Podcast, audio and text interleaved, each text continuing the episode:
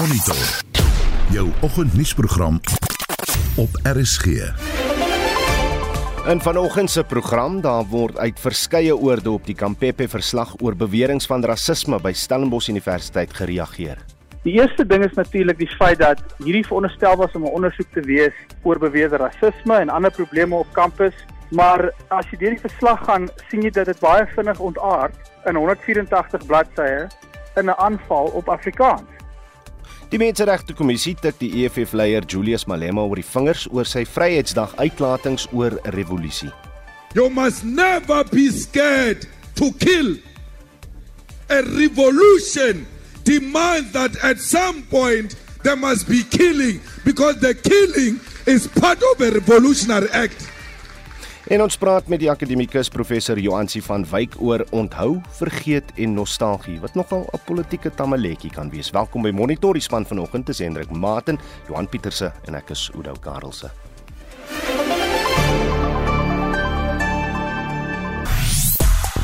Die Verenigde Nasies se Kinderfonds UNICEF het 'n meningspeiling gedoen wat wys dat 3 uit elke 4 jong mense voel hulle het sielkundige behandeling nodig. En die feit is dat meer as die helfte van hierdie kinders reeds behandeling ontvang het. Wat is jou mening oor die geestesongesteldheid onder Suid-Afrikaanse kinders? Is daar tekens waarop 'n mens moet let en wat veroorsaak dit? Stuur 'n SMS na 45889 teen R1.50 per boodskap. Jy kan ook saampraat op die Monitor en Spectrum Facebook bladsy. Goeiemôre en sportnuus vir oggend. Manchester klop die SA span en Engeland verniel Indië in die tweede halfeindstryd om hulle plek in die T20 Wêreldbeker toernooi te verseker. Meer sport bietjie later. Dis Christo Gawie vir RSG Sport. En 'n baie gewilde onderwerp op Twitter is die woorde the Russians. Dit hou verband met berigte die week dat Russiese troepe opdrag gegee is om hulle aan die stad Kherson te onttrek en dit beteken Russiese magte sal pad gee uit die westelike oewer van die Dnipro rivier. Op die oomblik word 'n klomp video's op Twitter gedeel van Russiese troepe wat vlug en ander waarsku om weg te kom. Daar is ook foto's gedeel van landmyne en ander wapens wat die Russe gebruik het om oorlog te voer in die stad.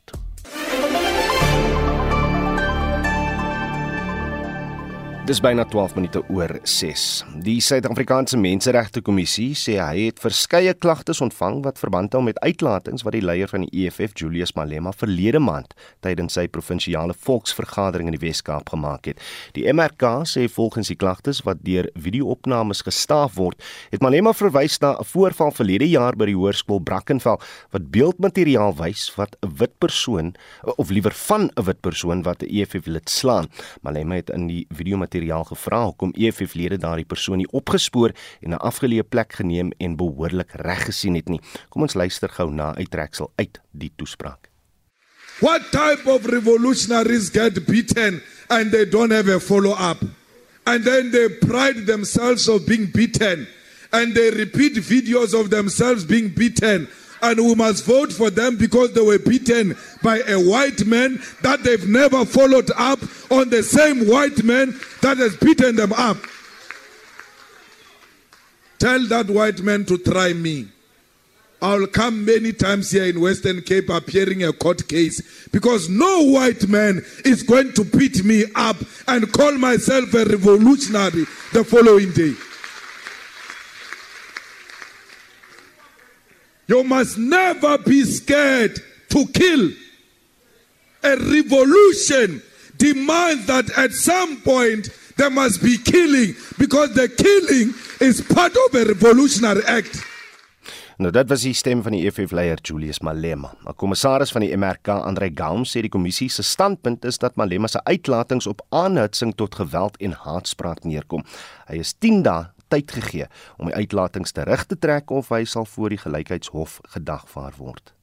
Die Menseregte Kommissie het verskeie klagtes ontvang oor uitsprake van meneer Malema op die EFF se Provincial People's Assembly wat op 16 Oktober in die Weskaap plaasgevind het, as ook met betrekking tot plakkate by die vergadering wat deur die EFF vertoon is.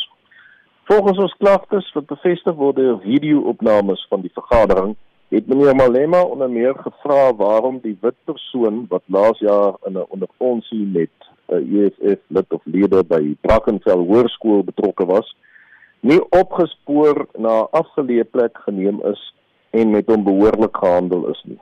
Dit is opgevolg met die volgende opmerkings en ek haal aan you must never be scared to kill a revolution demands that at some point there must be killing because killing is part of a revolutionary act en hy het ook gesê na bewering en dit al weer aan anything that stands in the way of the revolution must be eliminated any racists that plays next to the EFF and threatens and beats up the membership and leadership of the EFF, that is the application to meet your maker with immediate effect. En dan het hy in 'n bewering gesê violence can only be ended with violence not any other necessary means. Ons merk ook EFF plakate by die vergadering op waarvan een sê en dit al aan honeymoon is over for white people in South Africa en 'n ander een revolutionary must be a cold killing machine motivated by pure hate. Einde van aanhaling. So meneer Gam, wat is die menseregte kommissie se oordeel?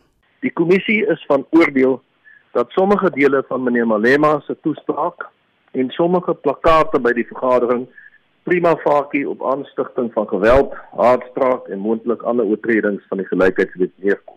Die MRK het gevolglik gister vir meneer Malema en die EFF skriftelik op terme gestel en 10 dae gegee om die prima facie onwettige uitsprake terug te trek en verskoning daarvoor te vra en belangrik ook om te onderneem om hulle daarvan in die toekoms te weerhou om verder haatspraak en geweld op enige basis te bevorder.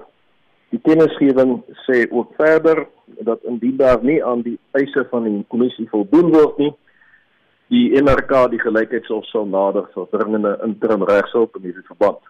En hoe sal die saak dan verder hanteer word aangesien die EFF nie aan die MRK se eise sal voldoen nie? In 'n mediaverklaring van die EFF wat gister uitgereik is, word gesê dat die EFF nie aan die MRK se eise gaan voldoen nie. Hulle probeer in die mediaverklaring 'n saak uitmaak dat die Menseregte Kommissie verkeerdelik meneer Malema se uitsprake as haatspraak en aanstigting van geweld kategoriseer wat onthul dat die kommissie volgens hulle daarin faal om 'n waardering te toon vir politieke kommentaar in die figuurlike, letterkundige en historiese sin daarvan. Die kommissie verwerp die EFF se verdediging van meneer Malema se uitlatings en die plakate wat vertoon is en ons sal gevolglik die hof dringend nader vir 'n interim interdik teen meneer Malema en die EFF. Julius Malema praat hier van 'n revolusie. Is daar tans 'n revolusie in ons land aangesien ons almal in 'n demokrasie is? Dis 'n baie belangrike punt wat jy noem. Ja, uh, hierdie is 'n grondwetlike demokrasie en daarom kom enige uitsprake dat daar 'n uh, revolusie moet wees meer op 'n uh, aanvalbasis op ons grondwetlike demokrasie. En om dan in die naam van daardie revolusie van die uh, EFF soos wat hulle dit sien, om in die naam daarvan geweld te verkondig en te verkondig dat mense doodgemaak moet word is uiteraard heeltemal ongrondwetlik en in stryd met ons menseregte akte ook. En dit was Andre Gamo, kommissaris van die Menseregte Kommissie wat met Winsin Mofokeng gepraat het. Ons het die EFF gister om reaksie genader, maar sonder sukses. Die Verenigde Nasies se Kinderfonds UNICEF het 'n meningspeiling onder jong mense gedoen wat wys dat 73% van hulle voel Hulle het sielkundige behandeling nodig. Meer as die helfte het wel al professionele hulp ontvang. UNICEF se aanbeveling is dat holistiese gesondheidsorg 'n voorkeur moet geniet in uh, die en die onderwerp met met en deur kinders bespreek moet word. Ons praat hier oor met 'n sielkundige by die Instituut vir Sielkunde en en Welstand by Noordwes Universiteit Somari. Nou, Somari, goeiemôre. Goeiemôre Oude en luisteraars. Daai syfer van 73% is 'n baie hoë syfer, kan dit waar wees? Ja, ek dink jy weet ons moet ook kyk waar die ehm um, navorsing gedoen is en die beskikbaarheid en die bewustheid dalk in hulle omgewing, maar ek dink dit is wel, jy weet, positief dat hulle so hoë syfer kon kry want dit sê iets van die stigma wat moontlik kan begin draai rondom geestesgesondheid. Wat is die implikasies daarvan? Dit is jy weet as die implikasie van meer stigma wat kan begin draai, kan meer mense eintlik uitreik vir hulp in psigoterapie want ek dink jy weet daar's soveel wanpersepsies rondom wat is geestesgesondheid nou eintlik hmm. en dat daar amper net 'n sekere groep mense is wat gaan vir hulp vir geestesgesondheid. Dis interessant om te lees wat ons luisteraars te sê het oor eh, die redes vir hierdie hoë vlakke van geestesongesteldheid onder kinders, maar uh, basies sommer wat, wat veroorsaak dit? Jong, daar is verskeie redes vir die geestesgesondheid en daarom is holisties om na dit te kyk so 'n belangrike rol want jy kry fisiese aspekte wat 'n groot rol speel in geestelike geestesgesondheid. Daar is natuurlik emosionele maar ook ons moet onthou die sosiale en die sisteme waar binne kinders en individue beweeg dra ook by tot watter um, probleme hulle ervaar en wat 'n impak het op hulle geestesgesondheid. Ons syfers in Suid-Afrika sal seker eh, strook met wat in die res van die wêreld gebeur al dan uh, nie miskien bietjie hoër sal wees nie. Ja, ek dink dit Suid-Afrika het 'n groot behoefte vir meer navorsing rondom geestesgesondheid en daar is reeds die wetstelsels in plek wat begin, maar ons moet onthou ons het so wye diversiteit in Suid-Afrika na wat gekyk moet word. Ehm um, so ek dink dit ons soveel ryk data vir ons kan gee hmm. ehm um, en die beskikbaarheid in Suid-Afrika moet ook in ag geneem word. Hoe vaar ons met eh uh, die behandeling van ons kinders met eh uh, geestesongesteldheid? Ek dink daar is 'n groot behoefte en ek dink dit um, neem toe en daar is baie mense, jy weet wat beskikbaar is vir dit, maar daar is die stigma wat 'n rol speel. Daar is in sekere gebiede in Suid-Afrika definitief ehm um, is daar toegang tot jy weet hulp vir geestesgesondheid wat mens moet in ag neem. So ek dink ons kan nog vordering maak daartoe, maar ek dink daar is al positiewe skuwe wat reeds ehm um, plaasgevind het. Want dit is bemoedigend. Dit begin natuurlik met 'n individu wat binne 'n ja. familie uh, uh, uh saamleef. Is daar tekens of simptome by kinders waar voor ouers op die uitkyk moet wees? Ja, en ek dink jy weet ouers speel so 'n belangrike rol en ons sê altyd jy weet mense na die hele stelsel kyk want die individu jy weet funksioneer definitief nie alleen nie en alles het 'n impak op die individu en vir ouers is dit belangrik om net op te let. En mense kyk altyd nie net na jy weet 'n eenmalige verandering nie. Mense moet dit dophou en in um, kyk daarna. So is daar drastiese verandering. Byvoorbeeld, ons kyk altyd na die basiese eet en slaappatrone wat drasties begin verander. Konstante lae gemoed, verhoogde kommer oor die toekoms en die vrese wat met gekoppel word heeltyd aan hierdie wat as vraag. Wat as dit gebeur? Baie onttrekking wat plaasvind en dan hierdie konstante lae motivering. Altyd interessant so Marie Nelby, dankie vir jou tyd op Monitors, hy's van Noordwes Universiteit se Instituut vir Sielkunde en Welstand. Ons het gister oor die Kampepe kommissie se ondersoek na Universiteit Stellenbosch se taalbeleid en transformasie berig en met die rektor en fisiekanselier professor Wim de Villiers gepraat. Die kommissie het bevind dat terwyl die universiteit vordering met transformasie maak, voel swart studente en personeel steeds onwelkom en uitgesluit. De Villiers het so op die kommissie se bevindinge gereageer sy vind dat ons uh, baie gevorder het in terme van transformasie oor die afgelope tyd en dat ons soos sy dit noem transformasie op papier goed is en daar genoegsame strukture in plek is om dit te bevorder. Maar die punt is uh hoe dit uitspeel op die grondvlakke, soos jy dit noem transformasie in praktyk. En dit is uh waar sy sekere dinge uitlig na aanleiding van onderhoude met uh, meer as 45 mense wat sy ook gevra vir openbare insette en sy lig verskeie probleme uit en dit is wat ons haar gevra het om te doen. So sy maak sekere bevindinge en dan maak sy sekere aanbevelings en dit is die dinge wat ons nou moet in detail moet gaan ondersoek. Intussen het hy ook die universiteit se taalbeleid uiteengesit. Die universiteit se taalbeleid is presies belyn met die nasionale taalraamwerk van hoër universiteite van hoër opvoeding in die land. En dit is dat ons is verbind tot 'n veeltaalige universiteit. Dit ons ons gee hierdie erkenning aan diversiteit en ons uitnemendheid deur diversiteit. Stellenbosch is 'n nasionale baat en hoewel dit 'n komplekse, moeilike uitdaging is soos ons nou hier ook sien, is dit iets wat werklik die moeite werd is om na te streef en ons glo dit. Maar dit is ook te belyn en dit is soos wat verwag word deur die regering en ook in die nasionale taalraamwerk. Ek dink die, die regter is baie duidelik in die verslag waar sy sê 'n taal is nie rassisties nie. Sy sê dit baie duidelik. Taal is nie rassisties nie of maar die spreker van 'n taal kan bydra daartoe dat ander persone uitgesluit voel deur sekere handelinge en aksies. Dit was professor Wim de Villiers direkteur en vise-kanselier van die Universiteit Stellenbosch. Vincent Mufokeng, SAICanis.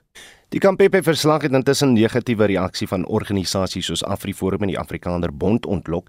Die DA en sy reaksie as 'n politieke party wil 'n regsmening kry. Dr Leon Schreiber van die DA sê dat uit die 22 mense wat vrywillige voorleggings gemaak het, slegs een persoon ooit genooi is om 'n mondelinge voorlegging te maak. Die DA het die verslag gekry onmiddellik toe dit uitgereik is. So ons het dit noukeurig deurgegaan um, dieselfde dag wat ons dit gekry het en dit was onmiddellik duidelik geweest dat daar fundamentele gebreke met hierdie verslag is. Die eerste ding is natuurlik die feit dat hierdie veronderstel was om 'n ondersoek te wees oor beweerde rasisme en ander probleme op kampus, maar as jy deur die verslag gaan, sien jy dat dit baie vinnig ontaard in 184 bladsye in 'n aanval op Afrikaans. In die waarheid word Afrikaans 103 verskillende kere genoem in hierdie verslag, meer as rasisme of enige van die ander goed waarna daar gekyk is. So die aanbeveling wat dan daar uitvloei is dat Afrikaans afgeskaf moet word aan die universiteit omdat dit uh, in die waarheid gelykgestel word met rasisme en ons het 'n baie groot probleem daarmee. Dit is nie waar nie en dis kwetsend. En dan die ander groot ding wat ek dink onder luisteraars se aandag moet kom is die feit dat daar omtrent 33000 studente en personeellede aan die Universiteit van Stellenbosch toe die uitnodiging uitgegaan het vir mense om voorleggings te maak aan hierdie kommissie was daar net 22 mense wat gereageer het waarvan net een in 'n onderhoud ondervra is. Daar sedertdien toe 'n paar ander mense deur die rektor en die bestuurspan van die universiteit aanbeveel, maar hulle het natuurlik hulle eie bepaalde siening na die gesprek toe gebring. En op die einde van die dag is minder as 0.07% van die universiteitsgemeenskap in ag geneem met hierdie verslag. So dit is nie verteenwoordigend van hoe mense op Stellenbosch voel nie. Nou Prof Wim de Villiers, die vise-kanselier van die Universiteit Stellenbosch, het dit baie goed uiteengesit dat die verslag sê nie dat Afrikaans rassisties is nie, maar dat Afrikaanssprekende mense kan bydra tot rasisme op die kampus. Wat is jou mening daaroor? Ek dink dat die rektor besig is om skadebeheer toe te pas nou, want die realiteit van hierdie verslag is dit was opgestel om ondersoek te doen na beweerde rasisme en ander sulke probleme. En dan kom dit met 'n heeltemale 'n uh, draai uit by 'n punt waar gesê word dat die Afrikaanse aanbod op Stellenbosch, die feit dat mense in informele ruimtes. Wat beteken dit? Dit beteken by jou huis en by jou koshuis Afrikaans praat ook afgeskaf moet word en aangespreek moet word. So die feit is dit is onafwendbaar om die gevolgtrekking te maak dat hierdie verslag Afrikaans as een van die hoofoorsake van rasisme op Stellenbosch beskou.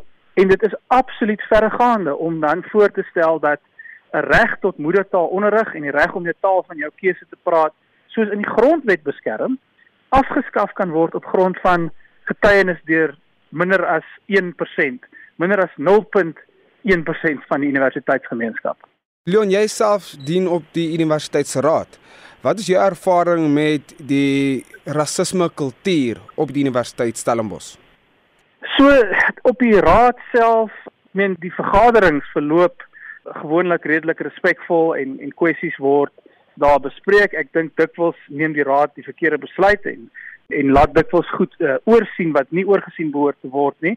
Ek verwys nou spesifiek na besluite rondom die taalbeleid, maar goed, dit is 'n besluit wat deur die raad geneem is ek dink in die breër universiteitsgemeenskap soos ek sê is die beste aanduiding van hoe studente en personeel dit ervaar die feit dat 99.3% van uh, lede van die universiteitsgemeenskap geen inset gelewer het oor hierdie verslag nie. Ek ek ek, ek kan nie hierdie genoeg beklemtoon nie. As net 22 mense na vore kom uit 'n gemeenskap van 33000 om oor 'n spesifieke ding te kla, dan is dit irrasioneel en nie logies om 'n gevolgtrekking te maak dat daai 22 mense se ervarings of insette is verteenwoordigend van 33000 mense se nie. En ek dink daar is die verslag ook baie kwesbaar van 'n regsoogpunt af en dis kom ons baie duidelik is. Die rektor moet 'n uh, openbare onderneming gee dat die aanbeveling oor die afskaffing van Afrikaans nie in werking gestel sal word nie. Anders gaan ons regstappe doen. Leon, ek wil van jou af hoor, is daar 'n probleem van transformasie, 'n rasisme probleem en dan ook 'n probleem met die taalbeleid by die Universiteit Stellenbosch? Ja of nee en hoekom sê jy so? Ek dink eerstens wat die taalbeleid betref, is die probleem dat daar nie gelykberegtiging is tussen tale nie. En dit is nie die probleem wat die die verslag uitlig nie. Ons standpunt was nog heeltyd gewees dat dit absoluut rasioneel en prakties is vir Afrikaans om 'n gelyke plek met Engels te hê op Stellenbosch en dat dit natuurlik die laaste universiteit in die suide van die land is waar dit prakties doenbaar is. So dit is die probleem soos wat ons dit ervaar en soos wat die 8000 Afrikaanssprekende studente en sekere ander ondersoeke soos byvoorbeeld die MRK se dit duidelik gemaak het dat daar ook 'n probleem daar is. En dan ek dink wat rasisme betref is dit duidelik dat daar insidente plaasvind, maar die groot probleem wat ons het is dat jy kan nie op grond van een persoon wat rassisties optree of verregaande optree 'n gevolgtrekking maak dat nie net 'n hele gemeenskap nie, maar ook 'n hele taal in rasisme geïmpliseer is en dit is die probleem wat ons het met hierdie verslag. En dit was dokter Leon Schreiber van die DA en hy daar met ons Winsin Mofokeng gepraat. Sanparks sê daar sal strenge sekuriteitsmaatreëls geld by die ingange van die nasionale Kruger Wildtuin tydens die komende feesseisoen. In die afgelope kwartaal is 10 vermeende renoster stroopers vasgetrek. 6 wapens is ook gekonfiskeer. Die woordvoerder van die nasionale Kruger Wildtuin, Ike Pachla, sê dat daar ook binne die parke verskerpte sekuriteitsmaatreëls toegepas sal word. South African national parks will increase surveillance at the Kruger National Park entry gates as part of the festive season anti-crime prevention program. Access control technology upgrades includes cameras with vehicle number plate recognition, remote monitoring of suspicious vehicles, and nighttime flying to intercept those that do not have late night permits. These measures are going to be in addition to increased stop and search operations conducted by protection services supported by the South African National Defence Force and the South African Police Services. We request tourists to be patient this is done to minimize poaching and other criminal activities in the Kruger National Park during this festive season. We will also be conducting operations outside the park to disrupt criminal syndicates. Our Environmental Crime Investigative Unit, in conjunction with law enforcement agencies, will follow up on intelligence to ensure the safety of communities and minimize the recruitment of poachers and the supply of hunting rifles and ammunition. Our rangers are also ready to keep our fauna and flora safe during this period as they have done throughout the year. En dit was die woordvoerder van die Kruger Wildtuin Ike uh, Ike Pasla. Monitor jou oggendnuusprogram op RSG. Dis presies 6:32 in die hoofnuus gebeure. Die Johannesburg Metroraad se polisiedepartement sê hy bly op 'n hoë gereedheidsgrondslag vir enige gebeurlikheid wanneer werknemers van die raad na verwagting vanoggend sal voortgaan met hul protesoptrede. Sanparks, soos jy net gehoor het, gaan die beveiliging van die Kruger Wildtuin se toegangshekke verskerp as deel van sy misdaadsvoorkomingsprogram oor die feestyd. Die Nieu-Seelander Ryan Fox is die voorloper na die eerste dag se spel by die 40ste Nedbank uitdagtoernooi by Sun City en van Vandag is herinneringsdag, 'n dag waarop die gesneuweldes van die wêreldoorloë onthou word. Bly by ons ingeskakel.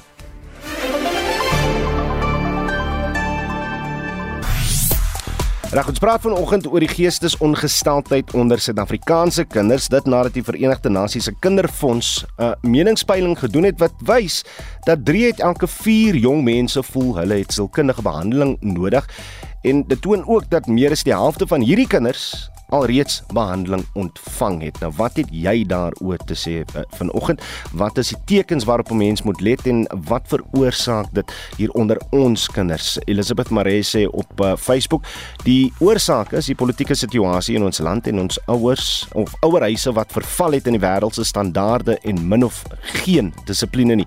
Ons het gehoorsame ouers, 'n kind se sekuriteit lê in sy dissipline en liefde by die huis. Bart Lombard sê media vermaak. As kinders onderwerp word aan die gemors wat hulle op uit, uitgegiet word met al die geweld, gevloek, misdaad en so voort wat op dees uh, aarde kan jy verwag. Hulle moet mos noodwendig sielkundige probleme ontwikkel. Die wat dit vryspring het net beter verwerkings daarvoor of behoorlike ouerleiding. Reg, jou mening kan jy lig met uh of deur middel van 'n SMS stuur na 45889 teen R1.50 per boodskap. Jy kan ook saam praat op ons Monitor en Spectrum Facebookblad.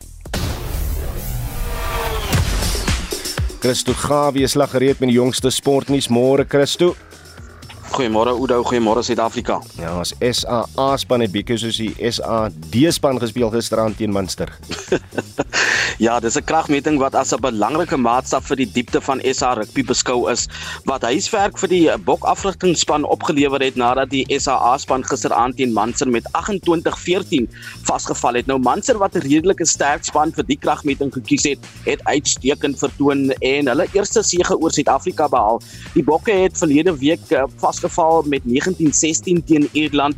Daar's reeds Frankryk wat op die Springbok span wag môre aand om 10 na middag Suid-Afrikaanse tyd. Willie Leroux wie uitdraf op heel agter terwyl die vleuelskirt die Arends en Cheston Colby ook sal diens doen. Damian Willemse is op loskakel met Mani Lebok wie ook ingesluit is in die 23 tal op die plaasvervangersbank en in die pak sal uh, Franco Mostert uh, Mostert saam met Eben Etzebeth sal hy diens doen op slot. Sê dit weer eens, Frankryk is die enigste rugbyspan ter wêreld vir wie ek bietjie bang is. Reg, ons praat bietjie cricket. Verwoesting is gister gister gesaai deur Engeland teen uh wat baie aanskou as die beste T20 span ter wêreld, Indië. Ja, absoluut. Engeland het gistermiddag met 'n oorwinning van 10 paaltjies oor Indië in die tweede halfeindstryd van die T20 Wêreldbeker toernooi in Australië. Sy plek bespreek in Sondag se eindstryd teen Pakistan. Nou Pakistan het Nieu-Seeland vroeër die week met 7 paaltjies geklop vir 'n kans om die trofee Sondag omhoog te hou. Die eindstryd Sondag in Melbourne in Australië begin om 10:00 die oggend. Reg, kom ons maak klaar met met uh, wat by Sun City aangaan. Ja, Brendan Grace en Justin Walters het die Suid-Afrikaanse uitdaging gelei na die eerste ronde by die Nedbank Golf uitdaging gister by die Gary Player buiteklap. Nou Grace die laaste Suid-Afrikaanse wenner van hierdie toernooi in 2017 en Walters het geopen met rondes van 2 onder. Dan soos hy genoem het is Ryan Fox van Nieu-Seeland die voorloper, gevolg deur Fab Fabrizio Zanotti met 2 onder en Richie Ramsey derde ook met 2 onder by die uh, PGA Amerikaanse toernooi se eerste ronde is Alex Noren die voorloper met 5 onder gevolg deur Aaron Wise, uh, tweede ook met 5 onder en Tony Finau, derde ook met 5 onder. Dis Christo Gawie daar van RSG Sport. Kom ons kyk nou na wat in die res van die wêreld gebeur. 9 maande nadat Rusland Oekraïne binnegeval het, sê seniorlede van die Oekraïense weermag, hulle maak goeie vordering teen die Russe. Russiese troepe het aangekondig dat hulle besig is om aan die suidelike kusdorp van Gerson te onttrek. Môre is dit. Môre Udo, dis reg en Rusland sê hy is besig om na nuwe verdedigingsposisie aan die ander kant van die Dnipro rivier te beweeg, maar dat die proses weke kan neem en daar's nog geen tekens dat troepe wel begin het om te onttrek nie. Hier is die BBC se internasionale redakteur Jeremy Bowen. I think, as far as the Russians are concerned, there's a, if you like, a couple of extreme scenarios. One of them is for the Russians the disorderly retreat, leaving their forces bunched up at crossing points on the river and very vulnerable to very accurate Ukrainian shell fire. The other extreme, the good scenario for the Russians in Moscow is that they managed to carry out an organized fighting retreat, which is something their military skills have not yet suggested they could do. But if they could do that, then they would be able to transfer equipment and men onto the opposite side to their prepared positions. Nou die televisieaanbieder Andrei Afanasiev in Moskou bly hoopvol oor die Russe se oorwinning. Withdrawal of our troops temporary withdrawal of our troops from Kherson in order not to be surrendered is not a defeat, even though a lot of people in the West would like to see this as a defeat. It's not. Because uh, uh, sometimes you need to go back one step to go 10, 10 steps further. En hier is die BBC se Steve Rosenberg wat uit Moskou berig doen. Russia's retreat from Kherson creates a danger for Vladimir Putin. It risks changing how he's perceived here at home, not so much by the Russian public, but by the Russian elite, by the people around him, the people in power here, who for years have viewed Putin as a great strategist, a winner. Less so now. Maar die senior genoot aan die Brookings Institution, Michael O'Hanlon, sê die Russiese onttrekking is nog geen seker saak nie. This was a fairly exposed position for Russia, and by the way, it's not even lost yet. as far as we know, Russia is still in this city. And we're talking about will they retreat in an orderly way or not? I don't know if they're going to retreat at all. So until it's done, it's not done. And here we are, it's the middle of November. And this is one of the more exposed forward cities inside of Ukraine that Russia has held. And this is maybe the maximal conquest that Ukraine's going to be able to achieve in the rest of 2022 in this general vicinity. In other words, this war is slowing down. And even though Ukraine has a lot of advantages, thank goodness, I think we are in for a very difficult 2023. Ons verskuif na die fokus na Amerika se president Joe Biden wat op 'n warrelwind diplomatieke toer vertrek na Egipte, dan Kambodja en Indonesië. Is reg Oude en oor die volgende paar dae sal hy die COP27 beraad, die Suidoos-Asië beraad bywoon voordat hy by wêreldleiers vir die G20 beraad in Bali aansluit. En daar sal hy 'n vergadering hê met China se president Xi Jinping.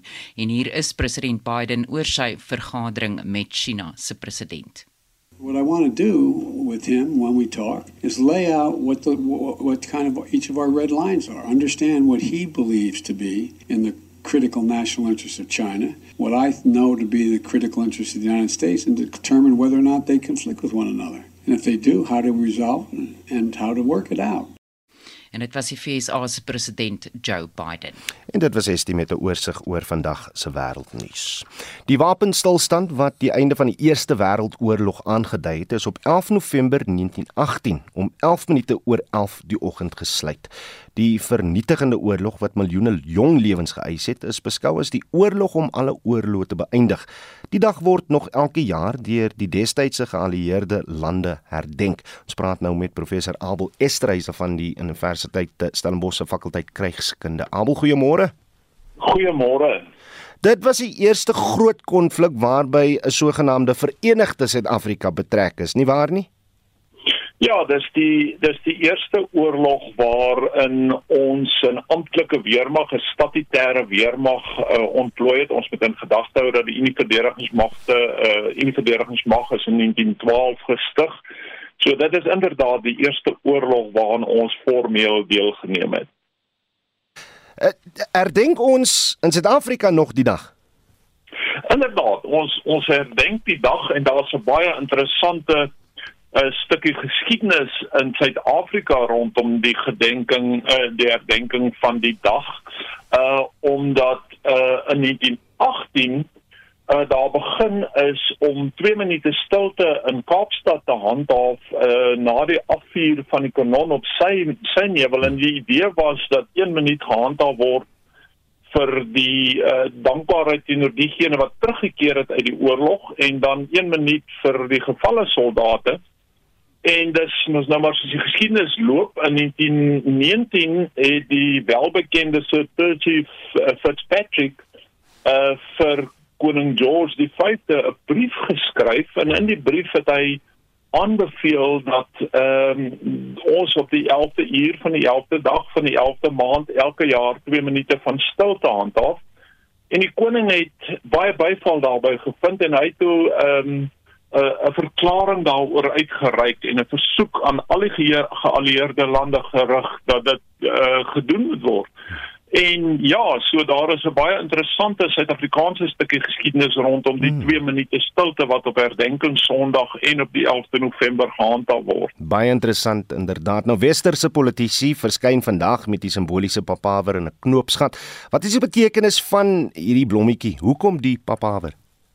Ja, daar's 'n interessante stukkie geskiedenis rondom die papaver ook. Uh die papaver het sy oorsprong uh in 'n gedig wat deur 'n Kanadees geskryf is tydens die oorlog in 1915. Die gedig is getitel In Flanders Fields. En die gedig is in Londen gepubliseer in 1915 en die eerste vers van die gedig lei dood eenvoudig in Flanders Fields the, the poppies blow between crosses row on row en uh, die poppy het so half die idee van die oorlog uh, begin simboliseer vir Britte op straat. Dis gebruik um, om uh, na die oorlog te verwys as Flanders Fields. Um, en en uiteindelik is die gedig en die poppy gebruik om soldate te werf en dit het so half die simbool van die uh, van die oorlog geword veral nadat 'n Amerikaanse professor ehm um, dit aan generaal Douglas Haig, die Britse opperbevelhebber na die oorlog voorgestel het dat omdat ons so 'n assosiasie het met Flanders Fields, moet ons miskien begin om die poppie te dra uh, in herdenking van die oorlog. En weer eens ehm um, dit het groot byval gevind by hom en hy was baie invloedryke figuur in die oorlog en dit het 'n instelling geword in Brittanje en en Britse Statebondslande om uh, die poppie te dra ter herdenking hmm. van die oorlog. Ons het genoem dit was die oorlog om alle oorloë te beëindig, maar vandag Abel sit ons met 'n groot konvensionele konflik tussen Rusland en Oekraïne. Hoe belangrik is is Rusland se blykbare nederlaag in Kherson? Ja, ek ek gaan versigtig wees om uh, om dit as 'n nederlaag te tipeer. Uh, dit is inderdaad dink ek 'n terugslag vir Rusland. Maar ek dink nie Rusland se uh, jy weet dit is die einde van Rusland nie. Ehm um, 'n uh, mens moet in gedagte hou dat Rusland trek nou terug op voorbereide stellings dat die die mag ehm um, uh, intensiteit die maggroepering baie oor 'n baie nouer front uh, gegroepeer gaan word en hulle eintlik baie beers, meer soldate beskikbaar het. Ons gaan 'n baie onseker winter in. Ehm um, maar en dis 'n baie belangrike maar ek dink twee belangrike gebeure hier is dat uh dit half uh in die suide die die Russiese uh veldtog het nou toe dien vir al uh sy sy dryf om beheer te neem van die kusstrook. Hmm. En natuurlik op 'n positiewe manier stel dit uh die Oekraïne op om uiteindelik die Krimskiereiland te domineer want ehm uh, Oekraïne is na die Russiese terugtrekking inderdaad om uh, in die ver, in die vermoë om die die pad toegang tot die Oekraïne totaal en al te domineer. Uh, en dit skep 'n geweldige krisis vir die Russe. Professor Abel Estreise van die Universiteit Stellenbosch baie dankie vir jou tyd hier op Monitor. Die politieke ontleder by Unisa, professor Joansi van Wyk bied vanaand 'n lesing in Pretoria aan oor onthou, vergeet en nostalgie in die Suid-Afrikaanse gemeenskap. Ons praat nou met haar daaroor. Joansi, goeiemôre. Goeiemôre Oudo. Soos net kan aansluit by wat professor Estreise nou gesê het, dit is interessant dat die lesing, jou lesing vandag op 'n herinneringsdag plaasvind ja, dit was soort van so beplan. dit is die in die filosofie kafee in Pretoria se lesings, dit is 'n inisiatief van Lamay Ibeson wat dit jare lank in Pretoria gedoen het en nou ook met soortgelyke lesings of die kafee dan nou in, in Stellenbosch hou.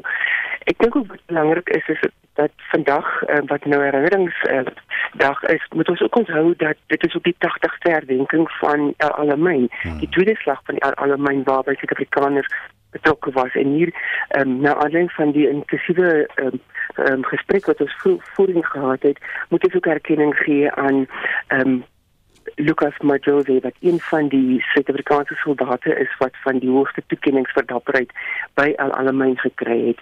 En dit is dan ook soos wat Abel net aangedui het, dit is ook belangrik dat ons self na die hierdie dag kyk en dit onthou en ook net besef dat ons 'n bepaalde belang hierby en ons dit moet in ons harte dra en herinnering daaraan. Absoluut. Um, daarin Absoluut. Die temas van onthou, vergeet en nostalgie, hoekom is dit tans nog so belangrik vir die Suid-Afrikaanse gemeenskap?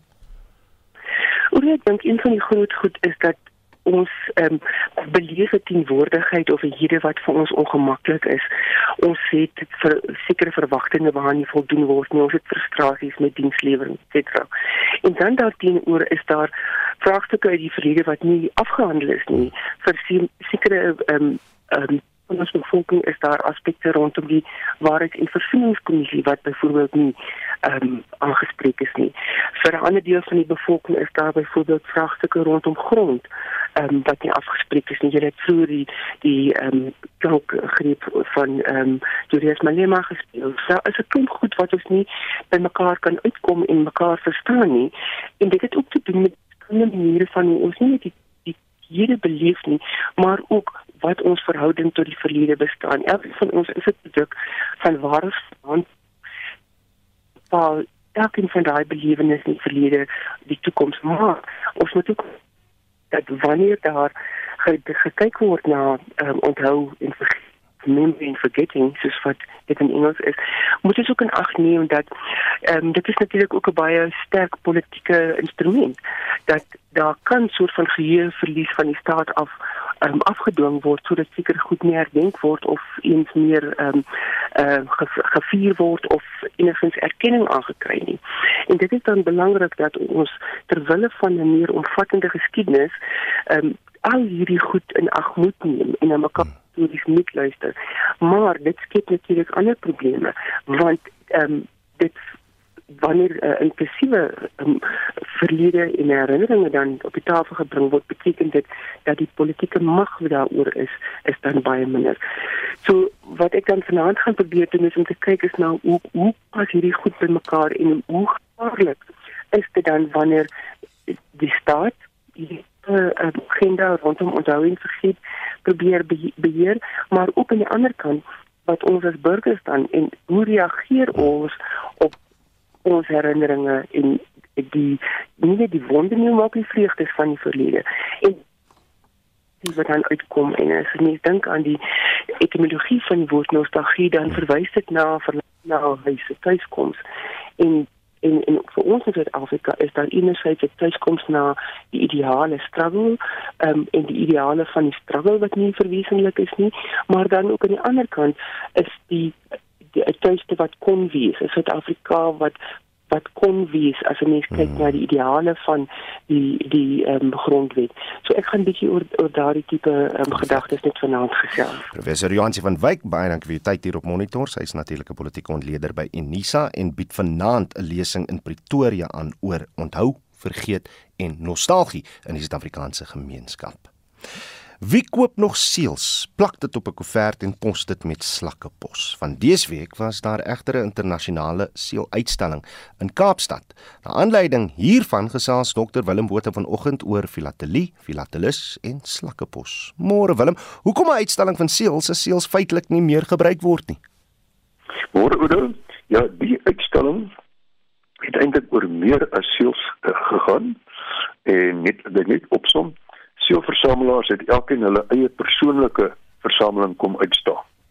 So dit gaan nie net oor die seels op die koevert nie, maar ook oor briewe wat gepos is voor die bestaan van seels en daardie briewe vertel 'n verhaal op hulle eie. Dani Skippers se uitstalling skets byvoorbeeld 'n prentjie van Suid-Afrika se ontwikkeling insluitende die eerste gedokumenteerde seevaart deur Bartolomeus Dias om die Kaap, slawerny aan die Kaap en die boereoorlog. Daar is selfs 'n brief van die VOC, die Verenigde Oos-Indiese Kompanjie aan Jan van Riebeeck om hom te loof vir die goeie bier wat hy aan die suidpunt van Afrika brou. So ons bier was bekend vir ons wyn. Hierdie brief het nie 'n seël bevat nie, want die eerste posseël is eers in 1840 in Brittanje uitgereik.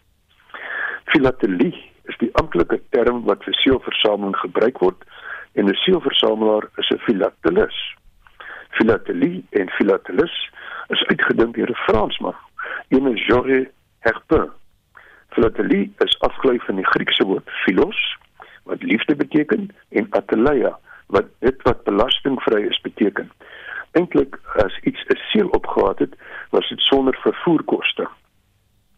Seels kan gesien word as miniatuur kunswerke wat kulturele, historiese en politieke onderwerpe sowel as die natuur uitbeeld en dit is belangrike nasionale en internasionale gebeurtenisse wat herdenk word op seels. Dit word dus 'n beeld van die geskiedenis van 'n land. So het die Royal Mail van Groot-Brittanje pas weer vier herdenkingsseels van koningin Elisabeth uitgereik. Dit bring ons by Slakkepos. Slakkepos is 'n skertsende benaming vir die uitsterwende posdiens in Suid-Afrika wat deur 'n poskantoor hanteer word. Dit stadig en baie arbeidsintensief en meer arbeidsintensief natuurlik as moderne elektroniese kommunikasiemiddels soos e-pos.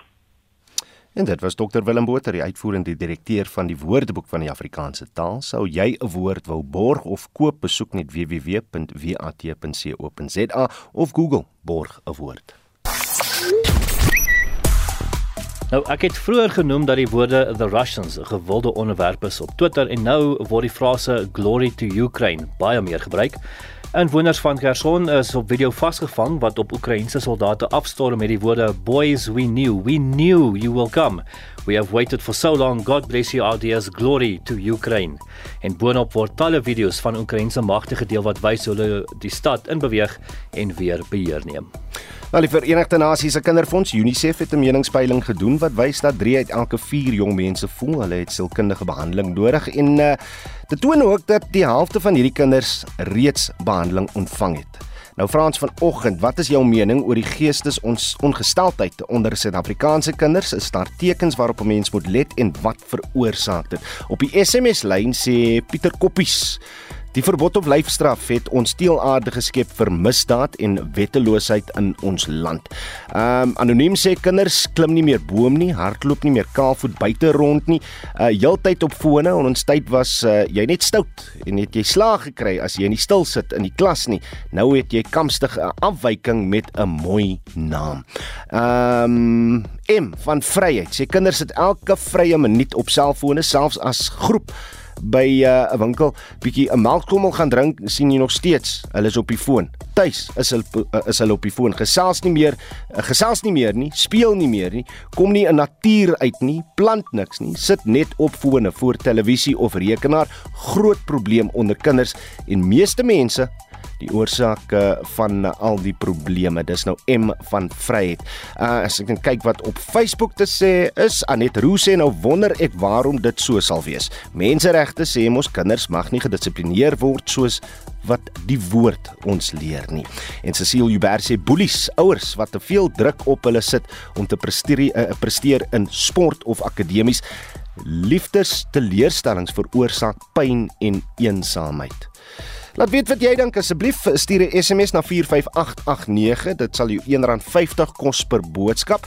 Dan kan jy ook saampraat op die Monitor en Spectrum Facebook bladsy. Van ons groet namens ons uitvoerende regisseur vanoggend Nicolinde weer. Die redakteur was Hendrik Maten. Ons produksieregisseur Johan Pieterse. En ek is Oudo Karelse. Op en wakker is volgende. Ons wens die bokke alles wat die beste toe teen die span vir wie ek so bang is Frankryk. Is nou môre, sal maandag daaroor gesels. Ja, op en wakker volgende. Geniet die naweek. Totsiens.